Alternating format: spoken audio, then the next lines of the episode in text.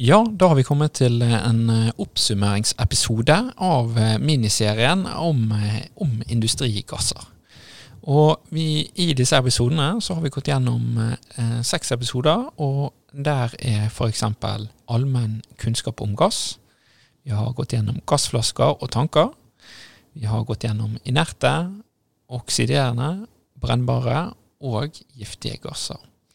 Og nå skal meg og Kai Arne vi skal ta og oppsummere disse episodene. Så ja, Kai Arne, hva vil du trekke fram?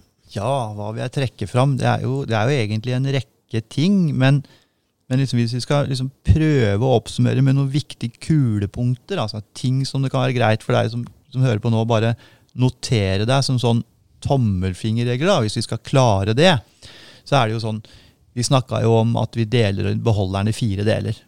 Altså, vi snakka om komprimerte gasser, absorbert gass, som er acetylen. Og så snakka vi om lett kondenserbare gasser, typisk propan, lystgass, karbondioksid og ammoniakk. egentlig. Og så snakka vi om tungtkondenserbare gasser, som er disse dypkjølte. Så hvis vi skal si noe rundt det, da, så det dere må huske på, er at de komprimerte gassene, det er jo gassflasker som er konstruert sånn at de tåler et visst trykk, og så vil de revne kontrollert. Mm. Og det var jo typisk oksygen, argon, nitrogen, helium, hydrogen. Alle flasker som er fylt med komprimert gass til 200 bar eller 300 bar. Og de, de tåler 350 grader. Så en sånn tommelfingerregel for dere er på et skadested. Den type flasker, så lenge de er fulle, så tåler de inntil 350 grader, og så, og så revner de. Mm. Mens acetylen og, og de andre kondenserbare, altså lett kondenserbare gassene, da, de de har på en måte brukt opp hele dette frivolumet sitt, da, den støtputa som vi har snakka om, på toppen, ved 65 grader. Og da virker det jo sikkerhetsventil og sprengblekk og sånn som slipper av trykket på disse her. Bortsett fra på acetylen og de giftige gassene. Mm. Så Det er sånn typisk kan si at eh, acetylenflasker eksempelvis, den kan jo ryke i brann på 100 grader uten at det har vært snakk om noe spalting. Og så er det sånn at disse flaskene dem i en brann, hvis de er fullt brannutsatt, når vi legger dem på et bål og kjører demonstrasjoner f.eks., så tar det ca. ti minutter fra vi tenner på til de ryker. Så Det er også greit å huske på da, ikke sant, i forhold til oppmarsj på et skadested, ikke sant, og hvor mye belastning av varme har det vært på disse flaskene. da. Og Den siste vi snakka om, var disse dypkjølte gassene, de kryogene. Og Det som er det fine med de, er jo at de er lagra på disse termosene. Mm. Og så lenge termosen er intakt, så får vi jo varm kaffe. Og, og, og, med gassen så er det jo omvendt. Så lenge termosen er intakt, så holder gassen seg kald. Og det vil den gjøre i mange timer med full brannbelastning på en sånn kryotank, så lenge den er hel og i orden. Det er jo Hvis den punkterer, så, så vil det fortsatt ta lang tid før trykket bygger seg opp og sikkerhetsventilene blåser. Kanskje, kanskje fem-seks timer, i beste fall. Mens en punktert kryobeholder som er varmeutsatt i tillegg, da er det liksom farlig. Da har du denne bleve effekten som vi har snakka om mange ganger. ikke sant? At hele tanken bare eksploderer. Så, så, det er i forhold til de fire typer uh, gasser vi har. Og sikkerhetsventiler, da? Ja, sikkerhetsventilene sitter jo da på disse lettkondenserbare gassene, og så sitter den på kryogassene. Og vil jo slippe av trykket. Men, men, og det er kanskje ikke så lett å huske, men det sitter ikke noe sånt på de giftige gassene. da. Det sitter på de andre vanlige. da. Um, og så snakka vi litt om dette med trykk. Og det som var viktig prøvde, Jeg prøvde å summere det opp, og hvis dere kan huske tilbake til det, så sa jeg det at eh, du kan ta alle verdens gassflasker og gassbeholdere unntatt acetylen. Og så kan du se på dem for seg selv, og hvis du kommer til et skadested, og du sikrer og evakuerer skadestedet, og du får på nok vann til at temperaturen reduseres på flaskene, de har ikke ryke, da vil de heller ikke ryke. Det gjelder for alle gassbeholdere, unntatt acetylen. Så sa vi at acetylen det må vi håndtere helt spesielt. Fordi at vi begynner med å sikre og evakuere området, og så kjøler vi fra sikker dekning. Kjører denne temperaturkontrollen vi snakka om.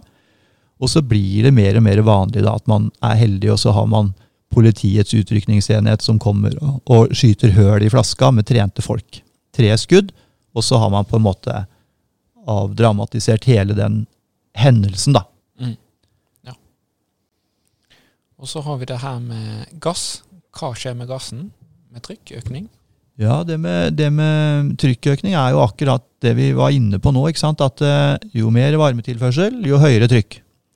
Og, og igjen 350 grader for 65 for de andre, men da blåser jo sikkerhetsventilen.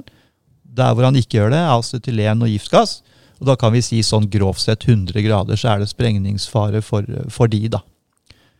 Og så når du først nevner det, da, ikke sant? hvis du sier at sikkerhetsventil, da minner meg på at vi snakka også litt om tettheten på gassen.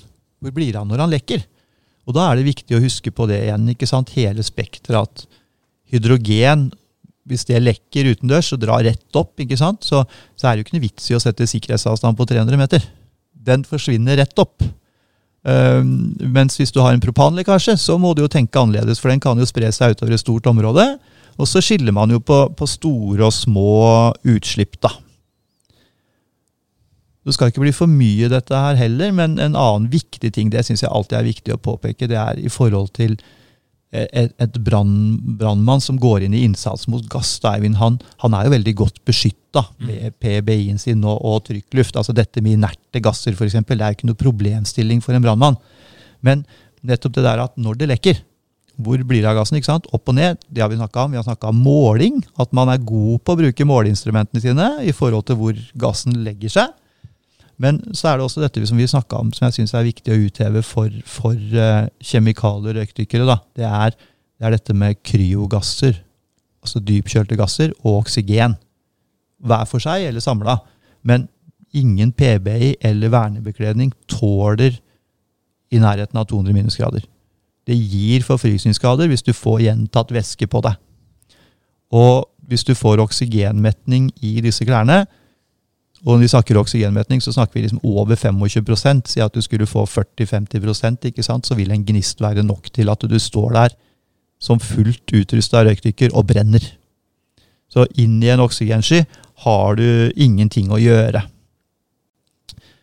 Så, så når det kommer til propan, så sa jeg vel det under den seansen på brennbare gasser at hadde jeg vært utrykningsleder, og vi var på et skadested f.eks. en husbrann, og jeg fikk vite at det var en komposittflaske i kjøkkenbenken, propankomposittflaske, så hadde ikke jeg vært noe redd for å sende to røykdykkere inn.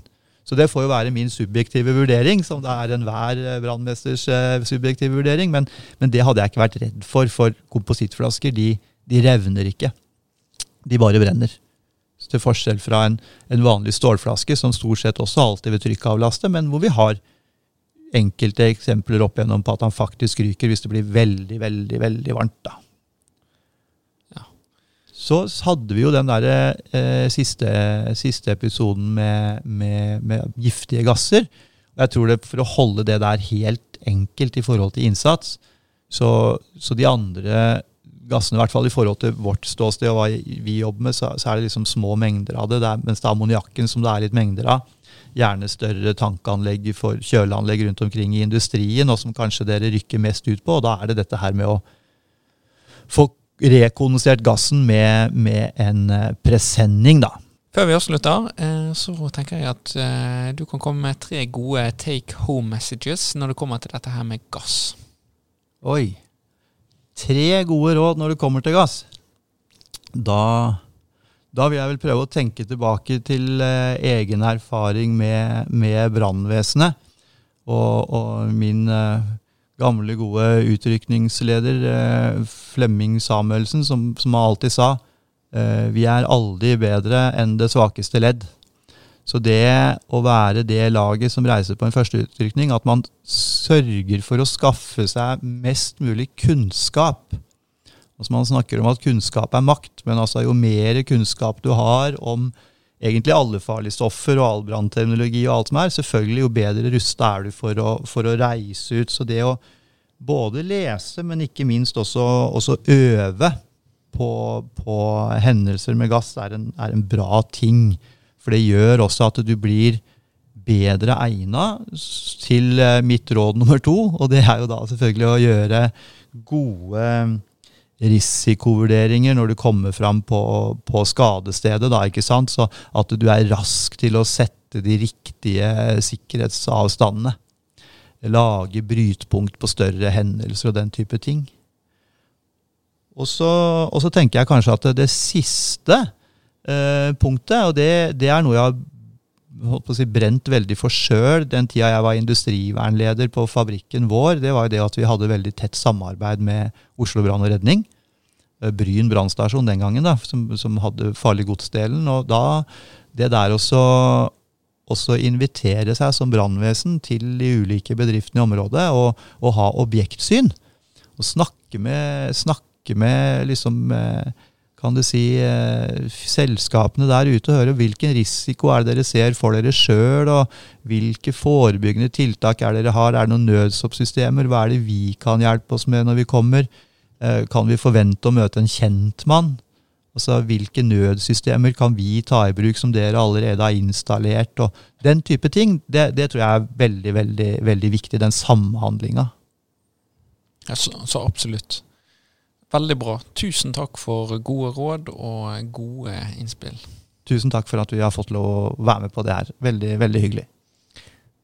Takk. Takk det samme. Og hvis det er noen som har spørsmål rundt gass, så er det bare å ta kontakt med Kai Arne Trollerud fra Linde Gass. Da takker vi for eh, samarbeidet. Takk for at dere hørte på i denne miniserien. Takk for nå. Hallo, er du fortsatt der? Visste du at du kan støtte Brannkast med bare 20 kroner i måneden? Med din støtte vil podkasten bli eh, bærekraftig, og det blir mulighet for enda flere episoder. Støtt oss via Patron. Du finner støttemulighet i bioen vår på sosiale medier. Takk for eh, hjelpen.